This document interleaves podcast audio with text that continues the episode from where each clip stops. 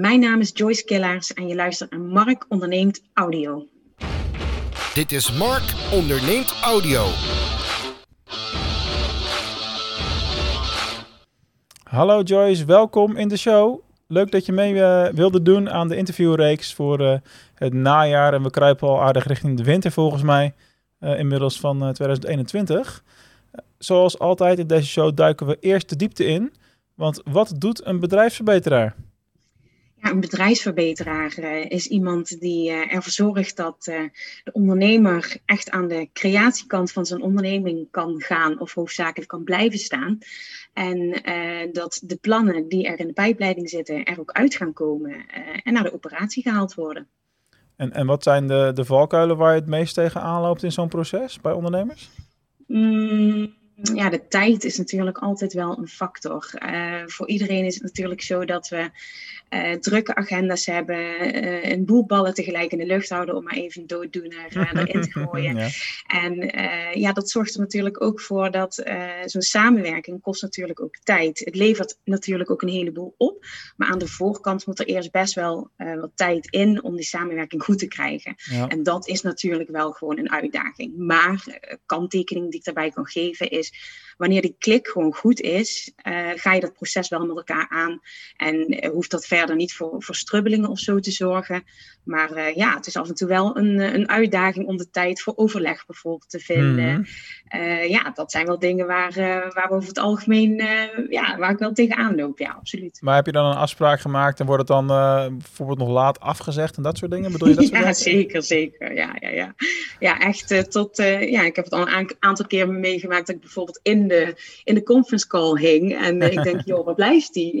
ja, ja, ja, ja. Even mijn WhatsApp openen en denk, oké, oké. Maar weet je, uh, het voordeel is, ik ben ondernemer, zij zijn ondernemer. Ik begrijp dat wel. Dus ja, uh, ja weet je, het is een heel andere manier van samenwerken. Als ik dat vergelijk met hoe het uh, bijvoorbeeld een loondienst was. Ja, daar gaan we zo ook nog wel eventjes over uh, praten. Je hebt een leuke rol gehad uh, in het verleden. Mm -hmm, uh, ik, ik, denk overigens dat bij de ondernemers die dan ja, ineens er niet zijn, zeg maar, er komt dan wat tussendoor. Hè? Dat is vaak de praktijk.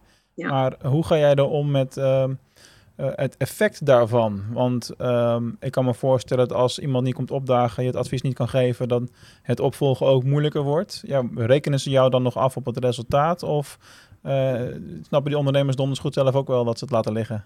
Ja, in, in de meeste gevallen is, is dat laatste het geval. Dat weten ze zelf ook wel. Maar in principe probeer ik altijd binnen 24 uur een nieuwe afspraak te maken. Want kijk, uh, er komt natuurlijk meteen een ruimte vrij in mijn agenda doordat iemand ze laat afzegt. Niet altijd handig, maar ik kan er wel altijd iets inschuiven. Want ja, ja. Uh, mijn week bestaat natuurlijk over, over, uh, uit overleg, maar ook uit uitvoering of onderzoek. Dus het is voor mij in de meeste gevallen helemaal niet zo ingewikkeld om even wat anders in het gat te schuiven. Ja. En dan zeg ik, dan ben ik wel iets strenger in welke ruimte ik geef uh, om de dag erna in te halen. Dat wel. Alright. En zou iemand dan echt helemaal willen uitstellen, dan geef ik gewoon aan van, nou weet je, we hadden dit en dit afgesproken. Dat kan ik dan nu op dit moment niet voor jou realiseren. Mm. Dus dat moet je natuurlijk ook gewoon teruggeven. Maar dat is een risico, hè, of een risico, een afweging die zij zelf uh, daarin maken. En ik heb daar eigenlijk nog nooit uh, problemen mee gehad. Nee, dat is mijn ervaring ook hoor. Dat als je mensen aanspreekt op van ja, god, uh, ik heb nou bijvoorbeeld met een vakantie dat iemand iets aanlevert en dat dat iets twee weken geleden moeten doen. Ja, luister, ik had vorige week tijd ingepland. Mm. Ik ga morgen weg. Het lukt nu niet meer. Het duurt weer een paar weken voordat ik het kan gaan doen. Ja, precies. En dan, ja, vroeger toen ik net begon als ondernemer was ik misschien even bang van, uh, oh, dan wordt hij misschien boos, gaat hij weg, maar Nee, dat begrip is er gelukkig wel. Dat wen, ja, je, dat wen je op een gegeven moment ook af, denk ik. Ja, ja zeker. Alright, hey, laten we even een paar uh, stapjes terugnemen, een beetje gas terugnemen, zeg maar. Um, uh, op de een of andere manier, linksom of rechtsom, ben je bij een mailinglijst terechtgekomen. Want ik heb uh, een mailing gestuurd vlak voor de vakantie met een oproep om te gast te zijn in deze show aan ondernemers. Er is veel gehoor aan gegeven, dus het, het, zoeken van gasten is nog nooit zo makkelijk geweest wat dat betreft. ja, stond ik er nooit bij stil. Ik deel het via LinkedIn. Wat ook goed werkt trouwens. Maar uh, ja, ik heb zat ondernemers op mijn lijst staan natuurlijk. Dat is heel logisch. Ja, mooi. Um, ja, wie, hoe ben je op mijn lijst terechtgekomen? En, uh, en daarna doorrollend naar... Um, want dat is ongetwijfeld gerelateerd aan het ondernemerschap. Mm -hmm. Hoezo um, ben jij voor jezelf begonnen? Wie is Joyce eigenlijk? Hoezo ben ik voor mezelf begonnen? Um, ik heb de afgelopen 8,5 jaar, of in ieder geval de, de, de laatste periode, uh, in de e-commerce gewerkt. Met heel veel plezier. Een mooi uh, bedrijf, en uh, daar verschillende rollen mogen bekleden, een heleboel dingen mogen leren en mogen doen. En uh, eigenlijk dat, dat verlangen om, om iets voor mezelf te beginnen, dat, dat was er wel al lang hoor. Alleen ja, ik, ik was gewoon tevreden, ik zat op een plek. Dus dan ga je toch een beetje, denk je telkens van, nou weet je, hè, uh, misschien ooit, we zien het wel. En op een gegeven moment uh, ja, begon het eigenlijk steeds meer te wringen tussen mij en, uh, en die baan. Dat, dat kan natuurlijk gewoon gebeuren. Ja. Tijden veranderen. En daar is ook helemaal niks mis mee. Maar ik denk wel dat het gewoon heel goed is als je dat soort momenten neemt om, om ook te reflecteren op wat je dus zelf wil. En dat heb ik dus gedaan. En um, nou, uiteindelijk dus die keuze gemaakt om, uh, om daar weg te gaan. Ook echt wel met pijn in het hart aan de ene kant, maar ook wel weer met heel veel zin om dus eindelijk te gaan beginnen aan die, uh, aan die droom. Uh, heb ik me ingeschreven voor een opleiding tot virtual assistant. En uh, ja, toen ben ik gewoon begonnen. Ben ik begonnen met het oefenklanten. En uh, ja, best wel lang moeten zoeken naar hoe kan ik nou al die ervaring die ik heb opgedaan, hoe, hoe giet je dat nou in een mm. format? Weet je, hoe kun je nou ondernemers daarmee ondersteunen? Dat was echt uh, een minder gemakkelijk stuk reis dan ik misschien aanvankelijk had gedacht. maar ja, de beste les die ik daarin heb geleerd is dat je het inderdaad het beste gewoon kan gaan doen. En dan zie je vanzelf ja, waar de vraag nou precies ligt en hoe je ervaring aansluit op wat, uh, wat de vraag is vanuit de markt. En zo is het eigenlijk, uh, eigenlijk gegaan. Het bevalt heel goed. Top. Met al jouw ervaring in de e-commerce uh, markt, want acht jaar is natuurlijk niet, niet kort. in hoeverre had je die VA-opleiding dan nog nodig? Wat heeft dat jou nog gebracht? Ja, dat heeft mij hoofdzakelijk gebracht om te leren hoe je online onderneemt. Um, weet je wat je daarvoor nodig hebt? Uh, ik was natuurlijk al tech-savvy, want ik heb een heleboel uh, systemen mogen meemaken en uh, system transitions en zo. Dus je hebt daar natuurlijk wel een mooie basis in. Maar ja, als je dan echt voor jezelf helemaal moet gaan opzetten, hoe je efficiënt met elkaar kan samenwerken. En zoiets als een zo'n agenda waar mensen je afspraken in kunnen plannen, dat soort zaken. Ja, dat had ik in company ja, op een hele andere manier was dat ja, logisch. Ja. Dus het had enorm veel meerwaarde om A, echt gewoon te leren van ja, hoe zet je nou eigenlijk een onderneming op? En dan ook nog eens keer met het accent op online ondernemen, want dat was voor mij heel belangrijk. Ik heb ook uh, kleine kinderen om wel uh, ja, op een eigen voorwaarde te kunnen ondernemen. En het grootste gedeelte dus remote.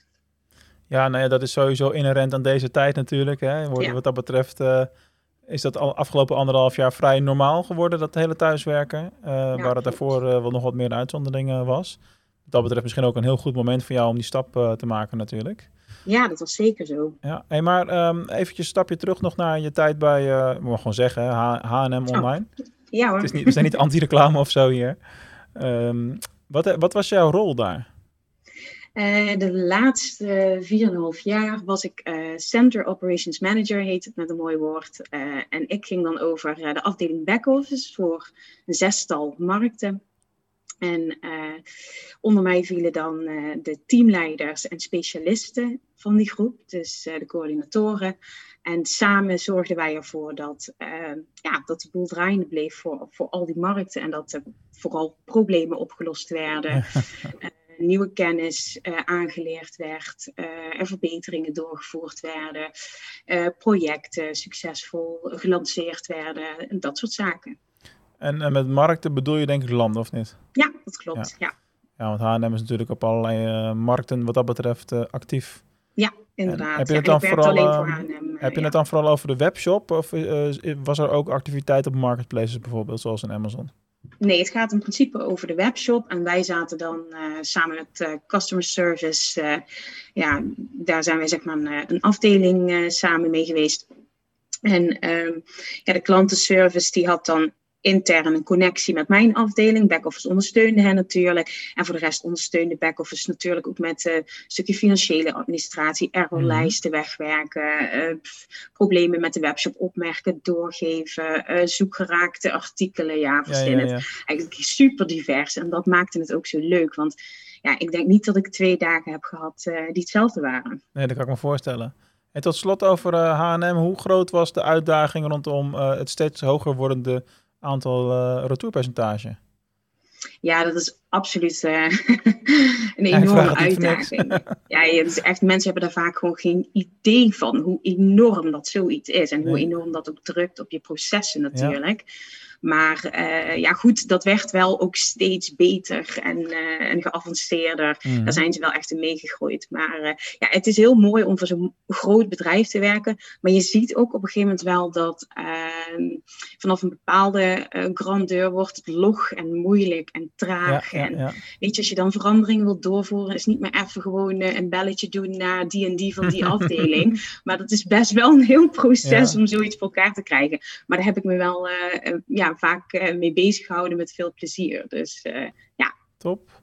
Alright, genoeg over het verleden. Laten we naar voren gaan kijken. Um, om te beginnen, wat voor rol speelt muziek in jouw leven? Hmm. Leuk dat je dat vraagt. Uh, ja, muziek heeft altijd al een grote rol in mijn leven gespeeld. Um, van huis uit heb ik dat meegekregen. bij ons thuis zijn, zijn we allemaal muzikanten. iedereen was lid van een vereniging, noem maar op.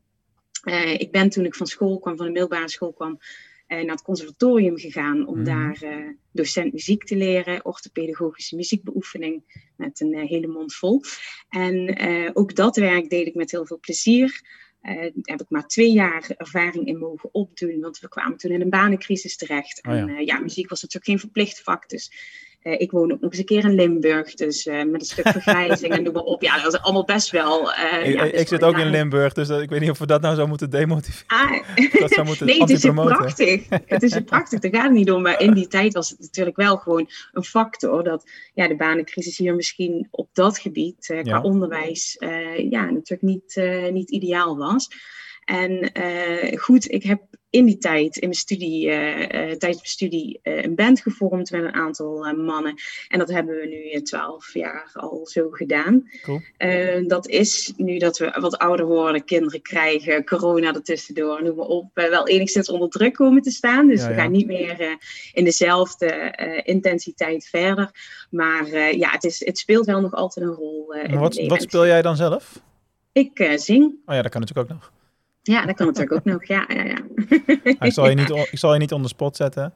Nou, nee hoor, dat, uh, nee, dat vind ik ook wat zo naar. Maar als mensen het willen horen, dan kunnen ze ons op uh, Spotify vinden. Wij heten Junkestra. Wat voor soort muziek is het? Een beetje soul, funky, jazzy muziek. Compleet tegenovergestelde van wat ik zelf uh, speel. Ik ben was, ben een beetje hetzelfde als jij. Weet je. Geen tijd meer, kinderen enzovoorts. Ja. Bassist, maar dan in de nu metal ah, nice. hoek. Heel wat anders. Lekker raggen, heerlijk toch? ja, maar dat is het imago. Maar als muzikant, als jij uh, dat soort muziek kan spelen, mm. dat is veel moeilijker. Want ik ben pop-rock geschoold in het begin. Ah, ja. En uh, weet je, gewoon soft rock, uh, live, Three Doors Down, Case Choice, noem maar op. En dan ga je ja, naar de hoek Korn, Papa Roach, Slipknot, zeg maar. Dat is gewoon heel veel. Kijk, voor het leekoor is dat natuurlijk. Ja, ja. Kan het herrie zijn? Laten we het dan maar zo formuleren. Ja, maar Alleen, qua eh, vingervlugheid en heel techniek is het heel wat anders. Ja, absoluut. Als je dan teruggaat naar poprock, is dat ineens uh, anders, we het zo zeggen. ja, precies, ja. um, Leuk. Even kijken, waarom um, zouden ondernemers meer aan hun bedrijf moeten werken dan erin? Dat hoor je natuurlijk heel vaak, maar bij jou komt dat ook naar voren. Ja, weet je, daar zit natuurlijk de groei. Als je je uh, te zeer laat meeslepen in de waan van de dag, dan hou je natuurlijk in stand wat er is. En dat kan ook een doel zijn. Daar is ook helemaal niks mis mee. Maar uh, op het moment dat jij voor jezelf besluit, nou weet je, ik heb bepaalde groeidoelen, ik wil daar iets mee. Uh, dan is het natuurlijk verstandig om meer energie te gaan steken in het werken aan dat bedrijf. En ik denk nu misschien wel meer dan ooit, want hè, uh, veranderingen gaan zo snel. Uh, we werken allemaal online. Je moet gewoon bijblijven. Je kunt niet gaan zitten suffen. Of denken van, joh, ik kijk volgend jaar wel een keer. Want dan heb je de boot misschien al gemist. Trends komen en gaan. Ja, sneller dan ooit. Dus ik denk dat het daarom voor in ieder geval ja, de meeste mensen wel heel belangrijk is. Dat je, dat je ook energie steekt in het werken aan. En hoe zouden ondernemers dat moeten doen? In jouw optiek? Door dus tijd vrij te maken, door uh, te, e-, echt kritisch te gaan kijken naar, oké, van alles wat ik doe. Punt 1, waar word ik blij van en waar uh, ja, krijg ik gewoon totaal geen energie van? Da daar zou ik mee beginnen. En dan de tweede laag is ook eigenlijk van wat is er nou ook echt nodig dat er gedaan wordt door mij? En wat zou ik eventueel kunnen uitbesteden? Ja. En het uitbesteden zelf, zeker voor mensen die dat nog niet eerder hebben gedaan, dat is vaak best wel een beetje eng. En dat is ook heel logisch, vooral als je, als je het altijd zelf hebt gedaan op een bepaalde manier. Maar um, ja, feit blijft dat je echt niet van alle markten altijd thuis kan zijn. En uh, door mijn, mijn ondernemersreis uh, zie ik meer en meer de meerwaarde van schoenmaker blijft bij je leest. Want daar zijn wij ook gewoon allemaal het gelukkigst. Mm. En uh, ja, dus voor een stuk werkplezier, maar ook voor een stuk groei, denk ik dat, uh, dat daar dan uh, de oplossing zit. En waar zit voor jou die, die grens? Want als je acht jaar in e-commerce hebt gewerkt, ja, alleen al binnen ons vakgebied, want ik zit daar natuurlijk zelf ook, heb je nogal veel verschillende specialisaties tegenwoordig ja, klopt. Ja, kijk, ik, uh, ik moet heel eerlijk zeggen dat ik nog best wel ben van uh, een beetje aftasten bij de klant wat zij dan precies zoeken. Zelf houd ik me uh, nu hoofdzakelijk bezig met wat er met social media allemaal mogelijk is. Ja, natuurlijk die shop-functies die oprukken. Ja. ja, Shopify is natuurlijk iets dat veel mensen gebruiken. Dus ja, zo moet je het eigenlijk zien ten aanzien van waar ik mezelf dan veel mee bezig houd. Maar ja, het is, het is ook een beetje kijken wat vraagt die markt nou helemaal? Als jij die, jouw ideale klant helder hebt en je gaat met hen in gesprek, dan kom je er vanzelf achter wat dan eigenlijk de gemeenschappelijke factor tussen die mensen is met het oog op de e-commerce. En zo mhm. kun je dan je keuze eventueel maken. Er zijn natuurlijk meerdere manieren om dat te doen, hè, maar dit is even hoe, uh, hoe ik dat heb ingestoken. En voor alles waar, waarvoor ik zeg van nou, weet je, daar, daar weet ik ook niet uh, voldoende vanaf. Ja, daarvoor heb je dus netwerk. En daarom uh, blijf ik ook altijd investeren in, in tijd gewoon connecten met andere mensen die ook in de e-commerce iets doen. Kijken van oké, jij doet iets totaal anders dan ik. Hoe doe je dat? Is dat interessant voor mij om te weten, uit te besteden? Ja, en zo, uh, ja, zo vind ik dat eigenlijk wel, uh, wel een fijne manier. Ja, toch? Zeker. Hey, op, op, wat voor basis werk jij dan? Werk je met vaste uh, pakketten? Want kijk, hoe, hoe leg je aan de klant uit waar de grens ligt van wat jij doet? En, want het verwachtingsmanagement, zeg maar, hè, wat daarbij komt kijken. Hoe, ja, dat is echt, uh, dat zijn hele goede gesprekken vooraf. Ik leg ook altijd alles vast.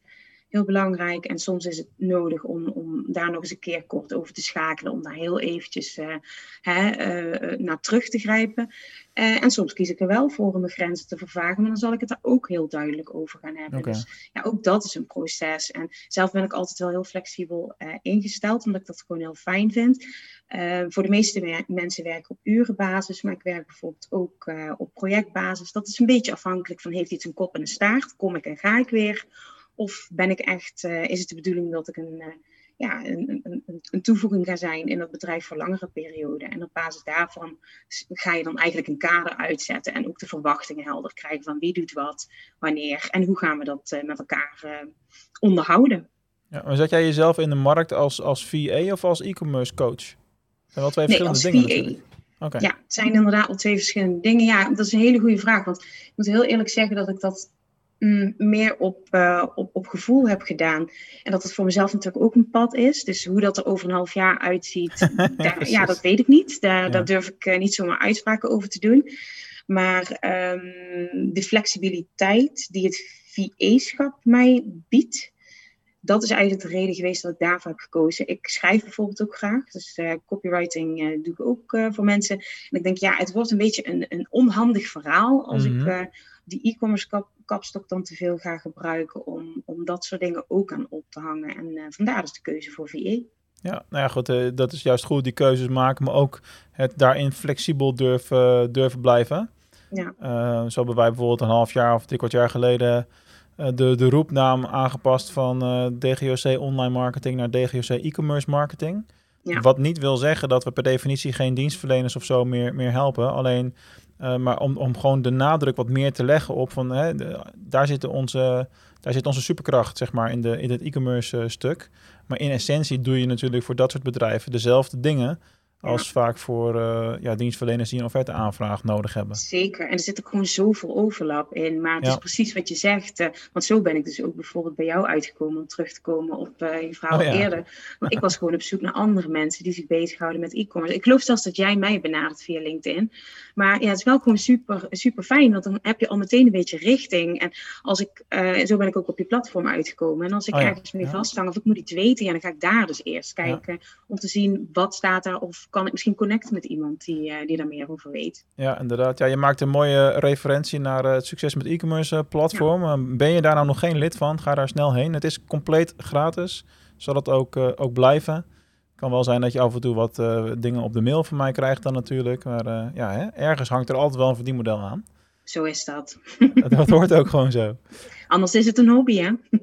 nou, dat is een hele interessante vraag die je daar, eh, of een heel interessant statement die je daar maakt. Want uh, ja, al die interviews die ik nu aan het opnemen ben en inplannen en publiceer, is dat nog werk of is dat eigenlijk hobby wat werk ondersteunt? En waar ligt de grens?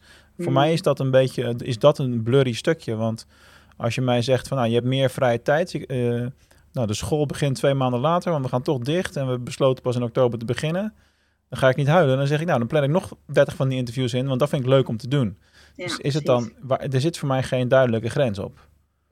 Nee, daar heb je ook wel een goed punt. En uiteindelijk denk ik, is dit wel een onderdeel van een groter iets, hè? Ja. Uh, die interviews. En dat is natuurlijk ook weer ja, een stuk waarmee je naar buiten kunt treden. Absoluut. Dus, ja, in mijn ogen is dat absoluut werk. Maar uh, hey, weet je, die lijn hoort ook vaak te zijn. We hebben gekozen voor het ondernemerschap. En als je hier niet uh, in bepaalde mate ook een hobby aan kan voelen, ja, dan moet je waarschijnlijk op zoek naar een andere core business. Ja, voor mij zei je het ook aan het begin al een beetje. Is je probeert zoveel mogelijk de dingen te doen die je leuk vindt. Ja, absoluut. Ja, dat is voor mij ook inherent aan uh, hoe ik mijn leven probeer in te richten. Gewoon elke dag zoveel mogelijk de dingen mogen doen waar ik, uh, waar ik blij van word. Dat, dat staat voorop. Ja, en het kiezen met wie je werkt. Dat vind ik ja, zo precies. ontzettend fijn aan dit. ja, ja, ja. Je hebt, iets, je hebt iets te lang in het grotere bedrijfsleven rondgelopen, hoor ik al. er zit wat haken ja, en ogen nee. aan. Ja. Jouw woorden. ja, nou goed, ik werk zelf de helft van mijn tijd bij Fontes Hogescholen. Ah, ja. uh, omdat ik daar een, uh, een missie heb uh, ten aanzien van hoe ik graag zie dat we in het e-commerce, online marketing, hoe dat in het onderwijs naar voren wordt gebracht. Mm -hmm. maar goed, daar, daar, daar, kies je ook bewust voor, hè, om een gedeelte van jouw tijd te besteden op een manier waarvan je weet, nou hiervan ga ik 70% tof vinden en 30% niet, maar dat hoort er wel ja. bij. Het is ook belangrijk om te beseffen dat het niet allemaal een picknick hoeft te zijn natuurlijk. Nee, en uiteindelijk is die, der, die 30%, daar zit wel de lering in. Want ook daar nog, ga je ja. vragen over stellen van, joh, waarom vind ik dit nou zo na? Wat is ja, dat nou precies? Ja. En daar word je ja, in je overtuigingen alleen maar uh, sterker van. En als ondernemer denk ik alleen maar beter van. Zo is dat. En jij maakte net al een klein haakje naar jouw ideale klant. Hoe ziet jouw ideale klant eruit? Ja, mijn ideale klant is uh, de creatieve, ambitieuze denker die super veel ideeën heeft. En ook echt hele toffe ideeën. Die wil innoveren, vooruit wil, wil groeien. Um, en die ook echt best wel gemakkelijk die ideeën zo uit, uit de mouw schudt. Maar als het dan neerkomt op die ideeën ook echt daadwerkelijk gaan uitvoeren. Of op zijn minst al gaan bekijken van ja, god, van al die ideeën zie ik ergens misschien een samenhang in. Kan ik, uh, hè, uh, kan ik dat misschien uh, gefaseerd doen? Hoe kan ik dit nou het beste aanpakken? Die zoeken eigenlijk iemand die en met hun kan levelen. Maar ook gewoon um, die ideeën vervolgens ook naar de praktijk kan brengen. Ja, ja, inderdaad. En de, daar zijn er een hele hoop van. Uh, creatieve, warrige ondernemers. Ja, absoluut. En ik, heb, ik vind dat heerlijk. Want die warrigheid, daar moet je natuurlijk wel mee kunnen dealen. Uh, ik heb ook uh, collega's in het vak, zal ik maar zeggen, die natuurlijk uh, super gestructureerd zijn op een andere manier. Ja. het prettig vinden om bijvoorbeeld dingen aangeleverd te krijgen. Maar mij doe je daar echt wel een plezier mee met zo'n potje breintennis. En dat ik daar dan gewoon een samenhangend iets van mag maken. Dat diegene dan zegt van ja, weet je, dat is wat ik bedoel. Dit is wat ik wil. Ja, dan, ja, dan ja, heb ik mijn werk uh, goed gedaan. Maar werk jij het liefst met ondernemers die een heel team uh, aansturen of wat grotere bedrijven? Of, of zoek je juist de eenpitters op? Hmm, ik werk uh, inderdaad wel heel graag met mensen die, die met een team werken. Ik vind het ook wel bijzonder tof met mensen die eigenlijk aan de bakermat ervan staan. Die zo eigenlijk aan het beginnen zijn met dat team om zich heen verzamelen. Oh ja. Weet je, die, die, die rush van dat nieuwe en dat zoeken en dat met elkaar uh, ja, echt een beetje uitvissen en opbouwen. Ja, dat, uh, daar word ik echt heel blij van. Ja, top. Um, Jos Burgers zegt altijd, uh, geef nooit korting. Uh, op jouw website is op dit moment dat we dit bespreken, ik weet natuurlijk niet hoe het over een uh, paar maanden is, uh, te zien dat je korting geeft op een eerste project. Waarom, ja. waarom doe je dat? Ja, geen idee. Heel, heel eerlijk, weet je dat ik geen eens meer wist dat dat erop stond? Kijk, tegen de tijd dat je dit hoort, lieve luisteraar, is het al lang weg. Het lijkt mij. Als je dat maar weet, gaat er zo even afhalen. Nou, volgens, mij, volgens mij is dat toen iets van de, van de webbouwer geweest. En heb ik toen tegen haar gezegd van, oh ja, dan moet ik, moet ik inderdaad nog eens een keer naar kijken. En dat heb ik gewoon nooit meer gedaan, Mark. maar dat betekent ook dat die korting in de tussentijd niet verzilverd is, want dan zou het wel opgevallen zijn, toch? Nee, inderdaad, dat is zeker waar. Dat is zeker waar. Nee, nee, eigenlijk uh, geef ik ook helemaal geen korting. Dat doe ik eigenlijk nooit. Ja, toch, toch staat het erop. ik denk, komt nou een diepgaand antwoord over waarom je dat toch ooit voor nee, gekozen nee, hebt? Nee, totaal niet. Nee, absoluut niet. Nee. Ik denk dat dat gewoon, uh, het was allemaal voorbereiding, hè, voordat ik dan echt ging uh, beginnen. En dan denk je je eigen concept helemaal uit. Ja. En je hebt dat op alle manieren uh, Fotoshoot gedaan. Gehouden. Precies. Dat en ik denk dat ik uiteindelijk dus heb gedacht, nou, dan moeten we dit maar uitproberen, weet ik veel.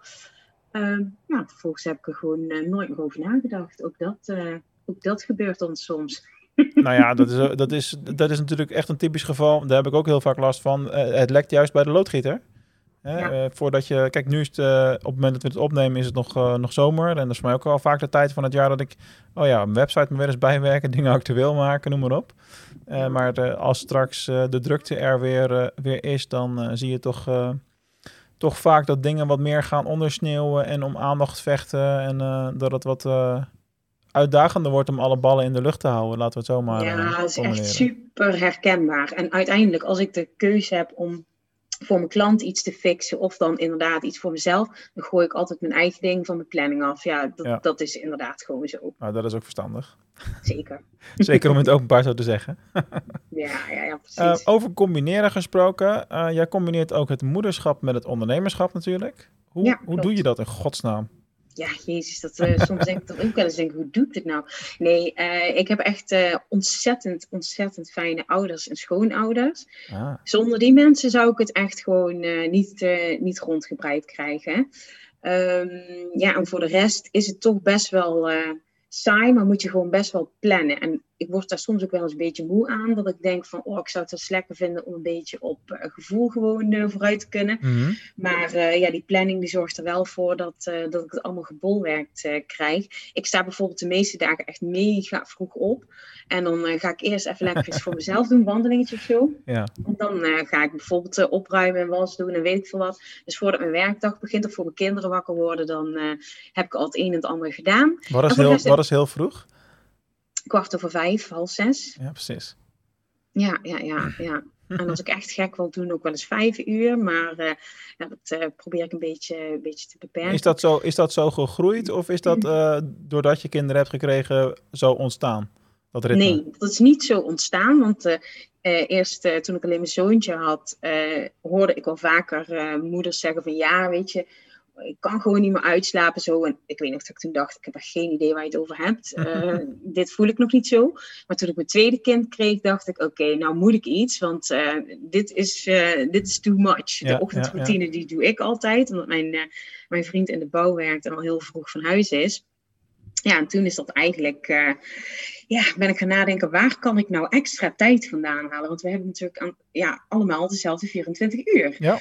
En, en ik was niet zo'n ochtendmens, dacht ik altijd. Maar ik kwam toch telkens wat uit. Ik dacht, ja, weet je, als ik ergens tijd kan maken, dan is het gewoon in de ochtend. Dus toen heb ik dat boek eh, Miracle Morning gelezen. En toen dacht ik, ja, ik ga er gewoon voor. Ik ga het gewoon doen. En dat, eh, en dat ben ik ook gaan doen. Nou, kan het aanraden. Ervaar je ook dat je meest eh, productieve uren aan het begin van de dag zitten of niet? Mm, niet altijd. Maar wat ik wel gewoon heel goed vind werken, is echt om met die devil te beginnen. 's ochtends. Dat je denkt, oh, dat ding Ja, ja, je ja. denkt, ah, daar moet ik echt even voor zitten. Of je gaat het toch een beetje voor je uitschuiven. ja, om mezelf echt uit te dagen om daarmee te beginnen, dat werkt wel heel erg goed. Ja, dat is echt super herkenbaar. Ja, ja, ja, ja, ja. En dat lukt me niet elke dag natuurlijk. Ik ben ook maar een mens. Maar als ik het doe, ben ik mezelf wel elke keer. eh, Maar dat heeft, ook, dat dat heeft ook met deadlines te maken, maar- bij mij althans. Ja. Weet je wel, ik heb het- één ding wat ik moet doen, wat in theorie in één dag gedaan kan zijn. Ja, Maar de deadline is eh, over een maand. En het heeft al drie keer op mijn planningsbord gestaan. En ik heb hem ook al drie keer uitgeveegd. ja, precies. Omdat je er gewoon te veel, is dat, er is te veel weerstand. Ja, inderdaad. En je denkt gewoon, ja, ik kan later wel een keer. Ja, en voor je het weet ja, zit je ja. dan die week vooraf weer pintjes te zweten. Hè? Ja, ja, Ja, ja, ja, zeker ja. weten. Nee, Ja, goed, eh, onder tijdsdruk eh, wil dat, dat wil ook nog wel eens helpen met de prestatie, om het zo maar te Ja, zeggen. dat is zeker waar. Hey, Miracle Mornings, ik ken het boek niet. Van wie is het? Oh, hoe heet hij nou? Ja, daarna moet, je, moet ik je heel even schuldig Gaan we- blijven. gaan we googlen? eh, Alan something. Ja, ik eh googelen we zo even inderdaad. Maar het is wel, ik geef hem even mee voor de mensen die denken van joh, dit wil ik wel lezen. Je moet wel even door het hele Amerikaanse beetje. Oh ja, dat zijn we in Nederland wel gewend, toch? Hal Elrod heet hij.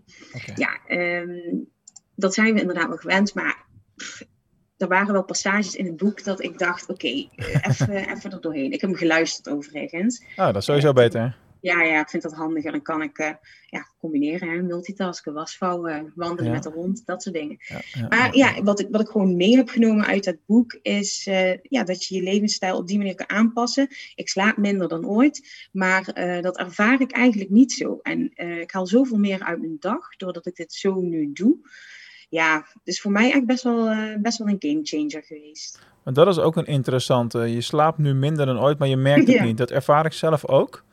Uh, ik sta dan meestal om zes uur op en dan... Uh, ik heb ook heel lang de ochtendroutine met de kinderen gedaan. En sinds een half jaar ongeveer doet mijn partner dat en doe ik het nog af en toe. En ja, dat heeft mij heel veel opgeleverd in de ochtenduren.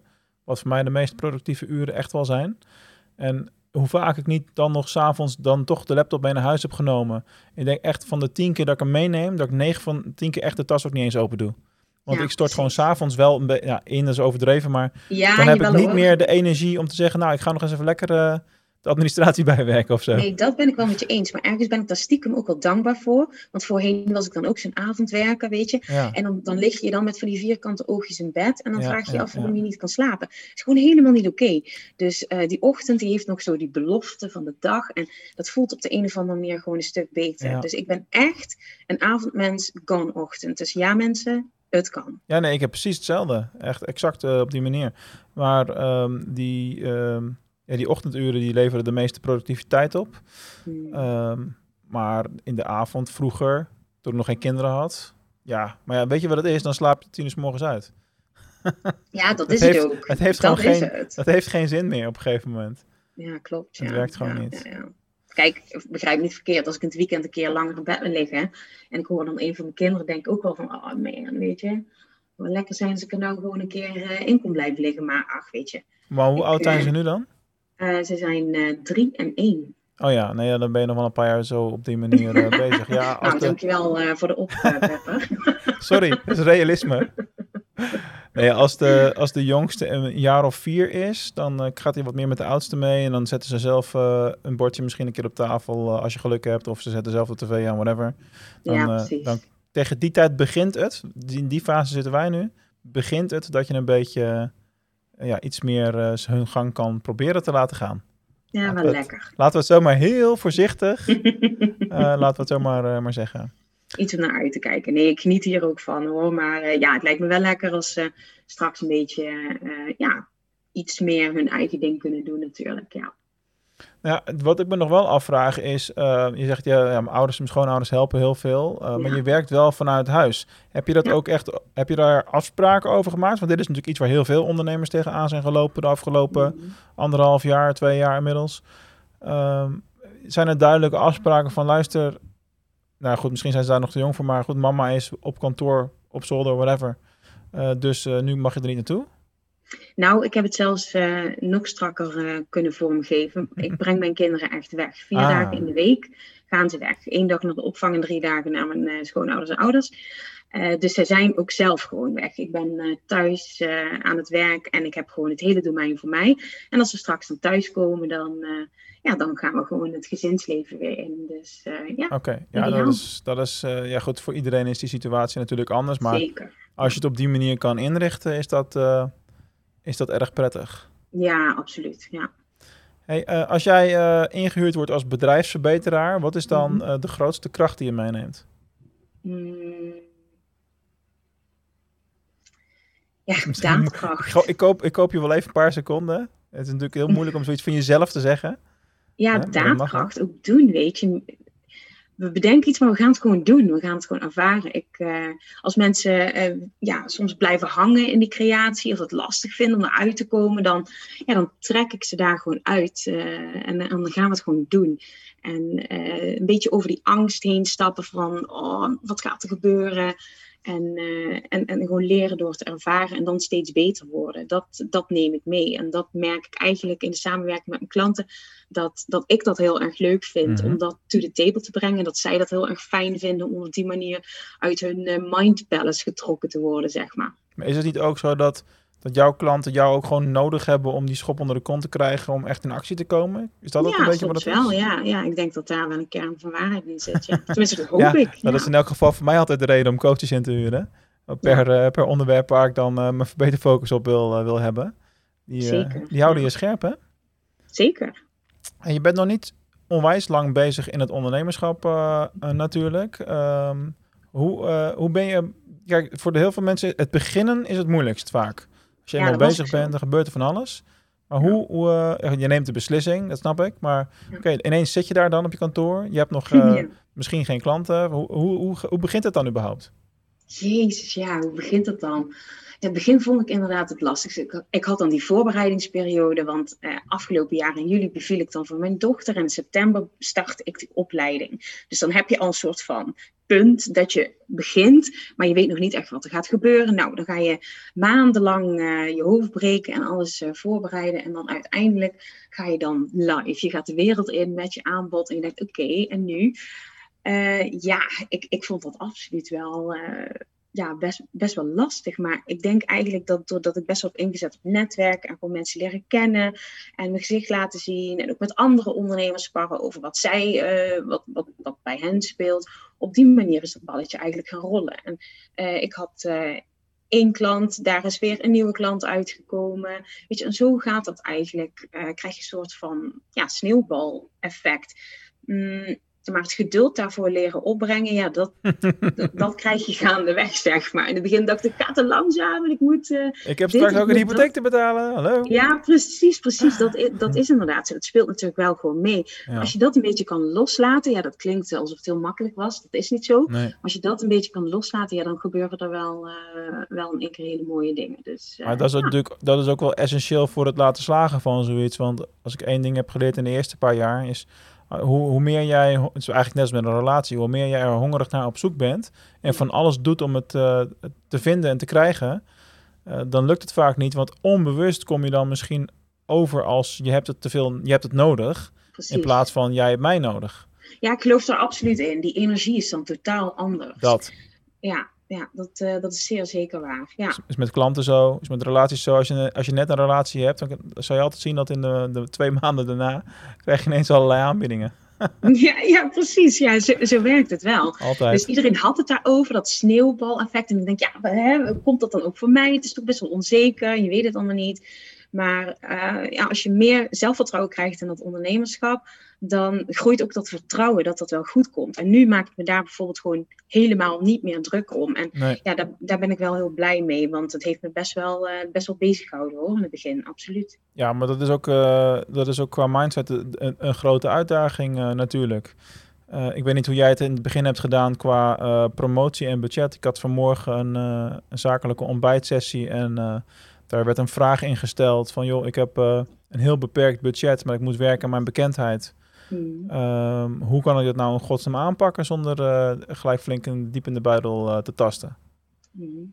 Hoe zou jij dat doen?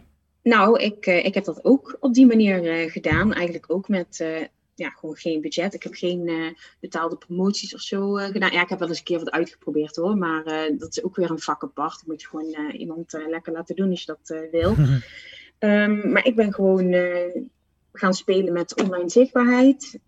Um, social media, mensen leren kennen, zoveel mogelijk online netwerkbijeenkomsten toen het eenmaal weer ging. Ja. Live netwerkbijeenkomsten ja. met iedereen die het maar wil horen en niet wil horen, maakt ook eigenlijk helemaal niet uit. Uh, gaan praten over wat je aan het doen bent en uh, zo verspreidt zich dat eigenlijk. En ja, uh, dat heeft voor mij best wel, best wel goed gewerkt eigenlijk. En als je dan ook een aantal mensen gaat helpen, heel veel geven heb ik ook gedaan. Ik heb super veel voor niks gedaan.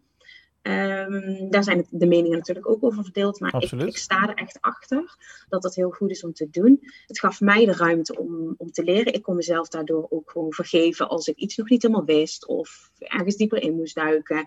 Uh, je hebt iemand echt vooruit geholpen en die mensen zijn vervolgens echt weer een soort ambassadeur voor jou. Hè? Absoluut. En dat, dat komt uiteindelijk bij je terug. Dus dat zijn dingen die je kunt doen als je, als je een beperkt of misschien zelfs helemaal geen budget hebt. Ja. Ja, geven is, uh, is bij mij ook altijd een sleutelding. Ik bedoel, dat ja. niet heel erg verrassend met het gratis platform wat ik natuurlijk heb. En, uh, en, dit soort gesprekken wat ik doe, waar in principe niks tegenover staat, noem maar op. Uh, alleen, ik denk wel dat het belangrijk is als je als ondernemer erover nadenkt... op welke manier kun jij geven en waar voel jij jezelf ook lekker en prettig bij. Zeker. voor de een zal dat zijn één op één mensen, niet per se openbaar, zichtbaar en gewoon concreet dingen doen. Uh, en voor de ander is het zoiets als wat ik doe en uh, ja, kennis delen en dat soort, dat soort uh, routes allemaal. net wat bij jou past, zoek dat vooral op, zou ik denken. Ja, precies, precies. Hey, we gaan een beetje richting het laatste stukje. Ik heb nog twee vragen voor je. allereerst, um, het is wel grappig, want de meeste ondernemers die ik spreek zijn iets langer bezig. Ik ben een half jaar nu bezig, geloof ik, hè? officieel. Ja, klopt, ja. ja. ja. Uh, zou bijna willen vragen, wat voor advies geef je aan jezelf? Maar wat voor advies zou je willen meegeven aan beginnende ondernemers? Welke obstakels kun je voor ze voorkomen? Ja, ga gewoon doen. Je bedrijfsnaam, je tagline. Het is allemaal echt uh, niet zo belangrijk als dat we aan de voorkant denken. Het is wel belangrijk, maar dat komt wel. Dat ontvouwt zich. Weet je, ga je bezighouden met wat echt belangrijk is. Dus ga echt zorgen dat je die ideale klant helder krijgt. En niet conceptueel, niet op papier. Daar heb ik zelf bijvoorbeeld veel te lang over gedaan. Ga gewoon met die mensen praten. Je komt er echt achter. Je spreekt met iemand en je denkt, ja, deze persoon helemaal wel. Kun je daarna voor jezelf nagaan waarom. je gaat daar de gemeenschappelijke factoren in zoeken. En op die manier kom je erachter. En ook qua aanbod. Niks staat in steen gebeiteld. Ik dacht, ik ga naar buiten met iets en ik moet me daar vervolgens aan gaan houden, want ik heb dat nou eenmaal gecommuniceerd. Oh ja, dat is ook een goede. Blamage als je dan vervolgens zegt, ik ga iets anders doen. Maar wat voor mij de grootste wake-up call daarin was, was Nee hoor, punt 1, niet de hele wereld heeft het gezien. En punt 2, het is toch mijn onderneming, het is toch wat ik wil doen. Weet je, er is toch niemand meer die hier wel of niet iets van hoeft te vinden. Jij bent zelf de enige die hier iets van hoeft te vinden. Uh, dus wil jij het helemaal op de schop gooien, ga je totaal wat anders doen, lekker doen. Dat is echt goud, want uh, nobody cares. Dat is gewoon de realiteit. Nobody cares. Alleen jij. Alleen jij. Ja. Iedereen is met zichzelf bezig tegenwoordig. Juist. En uh, aan de ene kant kan dat iets heel moois zijn, aan de andere kant natuurlijk wat minder. Maar ja, echt, het maakt geen fluit uit. Als ik, nee, nu, ik vond het wel een bevrijding. Die realisatie ja. dat het niemand wat kon schelen. Ik dacht, oh, het is eigenlijk gewoon heerlijk. Nee, je moet gewoon nadenken over welk probleem los jij op voor je potentiële klant. En als je dat kan leveren, dan uh, vinden ze het goed. Dus Uiteindelijk is het blijkbaar zo simpel. Ja. ja, ik had laatste keer iemand die, dat vond ik zo bijzonder. Die stuurde mij een bericht van... Hey, weet je wel dat je op LinkedIn wel erg bekend staat nu als de docent van Fontis? En ik had zelf zoiets van... ja, dus? Want ik had de indruk gewerkt van ik wil bekend staan als zijnde de e-commerce specialist, coach, whatever. alleen ja, op mijn profiel staat natuurlijk ook dat ik, dat ik daar actief ben. En daardoor dacht die persoon dat ik daardoor minder vaak benaderd zou gaan worden. Ik had echt zoiets van, ja, maar dat is jouw lezing en I don't care wat je ervan vindt. Ik doe iets omdat, ik, omdat het voor mij goed voelt. En de mensen die, uh, waarmee je het matcht, die komen toch wel. Zo is dat. En uiteindelijk denk ik, dat zegt ook iets over jou, wat je dan weer kunt doorvertalen naar hoe jij waarschijnlijk je werk als ondernemer doet. Dus weet je, dit zijn allemaal onderdelen die, die, die bij jou horen, net zoals ik dat ook inderdaad heb, uh, met allemaal verschillende dingen die ik doe why not? Ik ben daar ook niet zo van, dat je dat allemaal per se helemaal moet uitsplitsen. Uh, een, een, mens is meer dan, dan één ding alleen. Precies. Helemaal top. En we gaan naar de laatste vraag toe. Dat is de vraag die ik altijd aan al mijn gasten stel. Uh, en dat is de volgende. Wat zou je doen met duizend pingpongballen? Wat zou ik doen met duizend pingpongballen? ik zou er een zwembad mee vullen. Ik zou wel eens willen, willen weten hoe het is om daar dan een duik in te nemen. Hoe het kunnen toch? Een soort ballenbak, maar dan met mini-balletjes. Ja. Ik denk dat je er net uh, nou, twee of drie babybadjes mee uh, gevuld krijgt. Eén ah, ja, lichtbad en dan, uh, dat gaat nog wel. Ja, ik zie mezelf een lol hebben met mijn kinderen in, in een badje met pingpongballen. Oh, zeker. Dat, dan kun je de badkamer beter op slot doen en beseffen dat alles zeiknat wordt. Dan komt dat wel goed ja, ja, dat zou ik ermee doen. Helemaal top. Leuk, dankjewel. Um, zijn er, wat is de plek waar mensen heen moeten gaan als ze meer over jou en jouw diensten willen weten? Als ze meer over mij willen weten, kunnen ze me ofwel volgen op uh, Instagram of Facebook. Uh, mijn handle is joyce.de.bedrijfsverbeteraar. En je kunt me natuurlijk ook vinden op mijn website joycekillaars.nl. Ja, of Google gewoon even op de naam Joyce Killaars. Hij is uh, redelijk uniek. Je zal niet heel yes. veel de kopieën tegenkomen qua naam. Nee. Dus dat komt helemaal goed. Joyce, dankjewel voor je tijd. Ik vond het erg leuk. Ja, thanks for having me. Dat was echt heel tof. Geen probleem. En uh, ja, volgende week staat er natuurlijk weer een volgende uh, gast uh, op jou te wachten. En is er weer een nieuw interview. Voor nu weer bedankt voor het luisteren en tot de volgende keer.